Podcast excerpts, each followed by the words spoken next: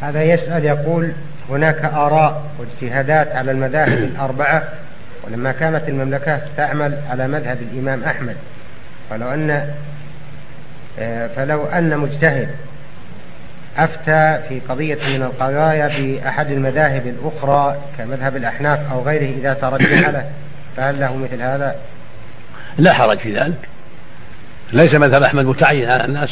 لا في لا في الرياض ولا في غيرها لا في المملكة ولا في غيرها مذهب أحمد رحمه الله مثل بقية المذاهب.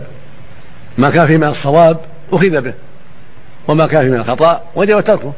وهكذا مذهب الشافعي وأحمد ومذهب الشافعي ومالك وأبي حنيفة والظاهرية والثوري وابن راهوية وغيرهم. المعول على الدليل عند الخلاف. أما في مسائل الجماع فلا كلام لأحد. في مسائل الإجماع يتعين القول بما دل عليه الإجماع.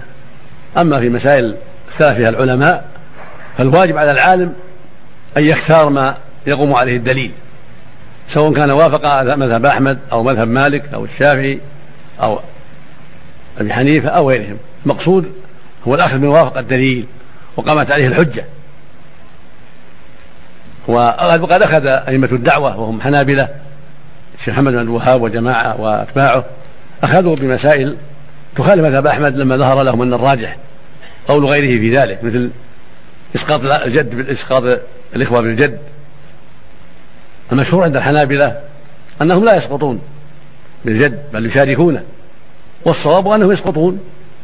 وهو مذهب أبي حنيفة ورواية عن أحمد رحمه الله وهو الذي يفتى به الشيخ محمد رحمه الله وجماعة من أتباعه وهو مذهب الصديق رضي الله عنه وأرضاه وجماعة من الصحابة بضعة عشر صحابية كلهم يقولون بإسقاط الإخوة بالجد وأنه أب. هناك مسائل أخرى ذهب أئمة الدعوة وغيرهم من الحنابلة إلى مذاهب أخرى إلى مذهب مالك فيها أو إلى أبي حنيفة أو إلى الشافعي أو إلى غيرهم لظهور الدليل. فالمقصود أن مسائل الخلاف لا يتعين فيها مذهب معين بل الواجب فيها الأخذ بما قام عليه الدليل مع قطع النظر عن كونه يوافق مذهب فلان أو فلان. نعم.